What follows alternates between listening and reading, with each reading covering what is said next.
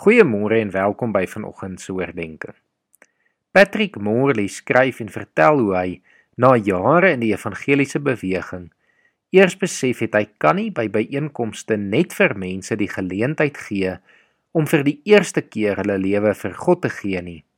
Hy moet ook mense die geleentheid gee om weer tot inkeer te kom en terug te keer van hulle afdwaalpad om weer met God versoen te leef. Vir baie jare is daar al 'n debat of iemand 'n dag en 'n datum bekeringsmoment moet hê of nie. Daar is dikwels gestry oor of iemand van kleins af die Here net kan dien sonder om radikaal tot bekering te kom. Ek glo albei is moontlik en staan nie eers noodwendig teenoor mekaar nie. Maar dalk nog meer belangrik as hoe iemand aanvanklike verhouding met God begin het, is die vraag Hoe gaan dit nou op hierdie oomblik met daardie verhouding? Hoe gaan dit vanoggend met jou verhouding met God? Is dit nie nodig om vandag weer opnuut vir jouself af te vra: Waar het ek gefouteer en waar het ek weer beheer van my lewe geneem nie? Waar het ek afgedwaal en gesondig? Is dit nie dalk nodig om vandag weer tot inkeer te kom oor jou sonde en weer God se vergifnis te vra nie. Want ek dink as ons eerlik is met onsself, het ons almal meer gereeld nodig om maar vir nog 'n keer God se genade te kom soek. Die gemeente van Laodicea kan ons hiermee help. Die gemeente het ongelukkig met tyd afgedwaal van die wil van God af En daarom skryf Johannes vir die gemeente in Openbaring 3 vers 15 tot 17 as vermaaning van God af die volgende. Ek lees dit vir ons voor. Ek ken jou dade dat jy nog koud, nog warm is. Was jy nou maar koud of warm?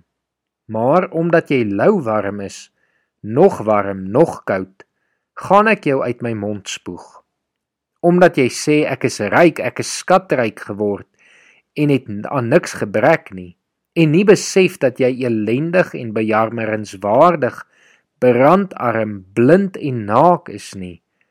Raai ek jou aan om by my goud te koop wat deur vuur gesuiwer is, sodat jy ryk kan wees en wit klere sodat jy jou kan aantrek en die skaamte van jou naaktheid nie sigbaar word nie en salf om aan jou oë te smeer sodat jy kan sien.